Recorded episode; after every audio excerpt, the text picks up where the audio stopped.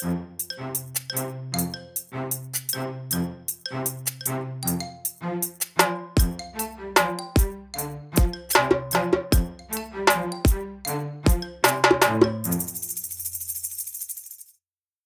vi prata braving? Vi pratar braving inventory. Så mina vänner, vi eh, har ju eh, tagit ett litet eh, bokklubbsinitiativ här på, på, på, på, på Stacken och eh, vi pratade i eh, förra julen om en bok som heter Dare to Lead av en skriven av en tjej som heter Brené Brown. Och vi pratade om hennes så kallade Braving Inventory som är knutet till den boken naturligtvis och länkar vi det här i avsnittet. Förra veckan pratade vi om den första bokstaven i Braving, det vill säga B som står för Boundaries. Idag ska vi prata om bokstaven R som står för reliability. Vad menar hon med reliability? Ja, så det hon skriver uttryckligen om reliability är You do what you say you will do. At work, this means staying aware of your competences and limitations so you don't overpromise and are able to deliver on commitments and balance competing priorities. Det är vi grym på allihopa i världen. att balansera initiativ och inte överlova för mycket. Och inte överlova för mycket och faktiskt leverera på det vi tar oss an och vara medvetna om våra egna begränsningar. Mm. Nej, för att vara extremt tydlig, hela hennes bok handlar om hur hon själv bryter mot sitt eget braving inventory om och om igen. Så att hon är expert på området men ändå bryter på det. Mm. Så det är helt mänskligt, alltså man kommer alltid att fallera. Så man ska inte sitta och säga buhu, jag är inte perfekt. Nej, mm. det är mhm. ingen. Nej. Det kommer man aldrig att vara. Och om man har det som ambition för att vara lycklig så kommer man att leva väldigt olycklig. För att vet du vad? Imperfektion är en del av mänskligheten så att säga, så att vi är inte det. Men med det sagt så, varför är det här viktigt i en relation då?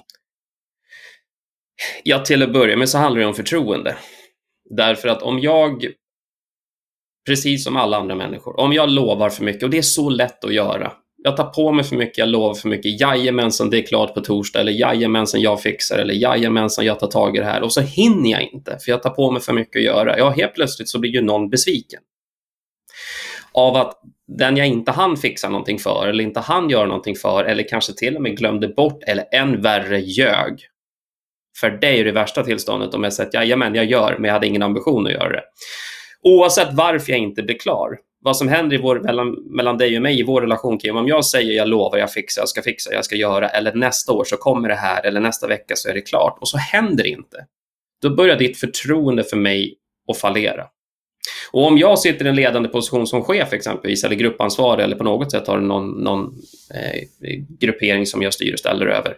Och så lovar jag att jag ska leverera, eller jag lovar att jag ska fixa, eller jag lovar att jag ska ställa upp. Och så gör jag inte det för att jag tar på mig för mycket och sen så hinner jag inte, eller än värre, hade ingen ambition att, att göra allt. Jag bara sa att jag skulle göra det. Ja, då börjar, våran, då börjar förtroendet för gruppen gentemot mig som ledare att fallera och till och med dö. Och när det händer, då är mina ord i princip meningslösa, vad än jag säger. Nu betyder inte de någonting. Nu kommer de bara titta på mitt beteende. Vad gör du faktiskt egentligen? Du kan lova bäst du vill, men om jag inte gör det, om jag inte, om jag inte committar till att genomföra helt plötsligt nu så kommer jag inte ha ett förtroende. Men det här är ju bara jobb och alla förstår väl att prioriteringar ändras? Absolut, och det kan de göra, men då måste det, då måste det kommuniceras att prioriteringen har ändrat. Alla måste vara med på den prioriteringsskiftet också. Ja, men folk får ju förstå att det är jobbigt att säga nej till någon rakt i ansiktet. Det är det, det värsta det som finns. Man, ja. Det är det värsta som finns. Det är jättejobbigt, för jag måste titta dig rakt i ögonen och säga nej Kim. Det kommer inte att ske, eller jag kommer inte att hinna. Eller ditt, vad, vad som förmodligen var prioritering ett för dig måste skjutas på och bli prioritering tre, fyra eller fem. Då kan ju folk bli arga över det. Det måste väl vara skadligare på lång sikt för relationen än att hålla det hemligt och bara låtsas som ingenting. Det känns så på kort tid, absolut. För att ett, om jag måste vara krast, jag måste svika dig och säga att nej, tyvärr, det, det blir inte gjort. Och naturligtvis, du kommer för, det finns risk att du blir ledsen och du blir upprörd eller du blir arg. Och så måste vi lösa det där och då. Men över tid, om jag kan bevisa att den prioriteringen hade faktiskt en effekt, och det blev bättre även för dig för att du gjorde om den prioriteringen, ja, då kommer du på sista raden titta och säga, ja, men vet du vad, det där beslutet kanske inte var så dumt i alla fall då. Och sen så får du jobba med ditt ego och, liksom, och, och kanske justera din ställning till att vad som var viktigast för mig här och nu kanske inte var viktigast för hela gruppen eller företaget, vad vi nu ska göra för någonting. Men det är jättejobbigt, för, men som sagt, som du säger, jag måste titta rakt i ögonen och säga nej, det blir det inte. Och då finns det ju risk att du blir arg på mig. Men du menar att det bygger bättre förtroende på sikt alltså? Det gör det, enligt all forskning. Att överlag och över tid så, eh, eller alltså, över tid så blir det absolut mycket bättre i, i en gruppering och vår relation därför att va, du kan knyta an till att det jag säger, eller tvärtom, det du säger till mig, var sant. Det blev så och vi fick ett resultat. Ja, men då har jag förtroende att nästa gång du kommer vill göra en förändring eller en justering så litar jag på att du, gör, du har tagit rätt beslut. Och då är det enklare för mig att acceptera att jajamän, ja, men då gör vi så. Så att över tid, absolut, men det här är super, det, det är jättetungt. Och herregud, vi kan nog allihopa som, om vi bara sätter oss ner och funderar på det, liksom, kan konstatera att hur många gånger, både på jobbet eller civilt i familjen eller i idrottsklubben som jag kanske är engagerad i, vad det nu är för någonting, så har jag sagt att jajamän, vi fixar eller nu ska vi ta tag i det här och så löser vi det och så gör vi inte det. För jag hinner inte, jag tog på mig för mycket. Det här är en av de absolut i särklass största anledningarna till utbrändhet och stress. Mm.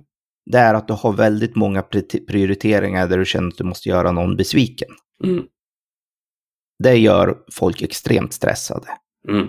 Inte att du har mycket uppgifter i sig. Det faktum att de är överkommittade så du måste göra någon besviken för att förvänta sig någonting levererat i en viss tidpunkt.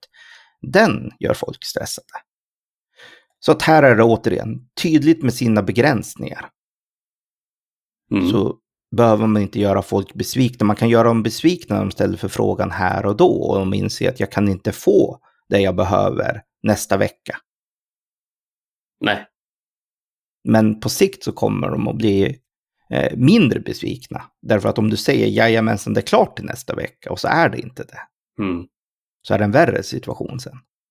Och framförallt om du har sagt till tre, fyra stycken att de var prio mm. ett och nästa vecka är det fix och ingen blev klar. Då har Nej. du inte bara gjort en besviken, då har du gjort fyra besviken. Och nu hjälper du inte ditt eget kortisolpåslag kan jag säga. Nej. Nej. Så. Det här är en jätteviktig grej för att minska även stress och utbrändhet på jobbet. Mm. Men hur får man då kontroll på sin egen kompetens och begränsning? Hur gör man då? Vad, vad, vad är det för verktyg? För det är lätt för oss att säga bara gör det här. Ja, eller hur? Knäpp med fingrarna, sen var det ja. klart.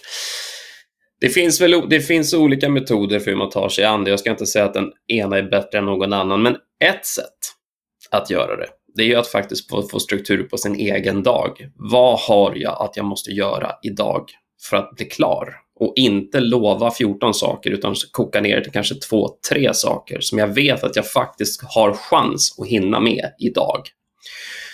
Ett annat alternativ kan också vara att inte sätta för långsiktiga mål av att jag ska hinna göra 14 saker till på torsdag nästa vecka, för idag är det tisdag. För du vet inte hur veckan utvecklar sig, du vet inte hur tiden kommer fördelas, det kan komma upp saker som du måste anpassa dig till och helt plötsligt så står du bara där med ett berg som du har lovat som inte kommer bli klart. Min, du, du får skjuta till vad du tycker också, men min, mitt förslag i alla fall, försök att koka ner en, två till tre aktiviteter per dag som du vet att du kan lösa och så gör du dem, får dem löst. För då kan du ge dig själv en klapp på axeln på kvällen. De blev klar. Jag fick en liten, jag fick en liten dopaminkick av att jag var, var glad över att jag hann klart det jag skulle göra. Ja, och just det här kommunicera tydligt. Överlova ingenting, utan kommunicera tydligt att det här ligger just nu i min inkorg och jag, jag har hört det, jag har accepterat det, men jag får återkomma när det finns ett datum som man kan förvänta sig att det här blir klart. Och så får man liksom göra det. Sen så menar jag att här kan vi rekommendera en ny bok som heter David Allens Getting Things Done. Ja, den kan du få prata Den är jättebra ur just det här med hur hanterar vi en miljö där det bara öser in saker över oss hela tiden informationsmässigt han har faktiskt en väldigt bra metodik för den personliga strukturen av att hur kan vi hantera saker på ett smart sätt. Så hans metod gör inte att du på något sätt får mindre tasks eller att du på något sätt får eh, mindre att göra. Men det är just att du får ändå en vettigare struktur på det du har att göra. Och det gör en mindre stressad. Så att, mm i alla fall. Så den är väl värd att rekommendera. Så vi länkar till den som sagt i beskrivningen. Det gör vi absolut. Mm. Så nästa vecka, då ska vi prata om A1 i Braving Inventory. Och A1 står för Accountability. Och det tar vi nästa vecka.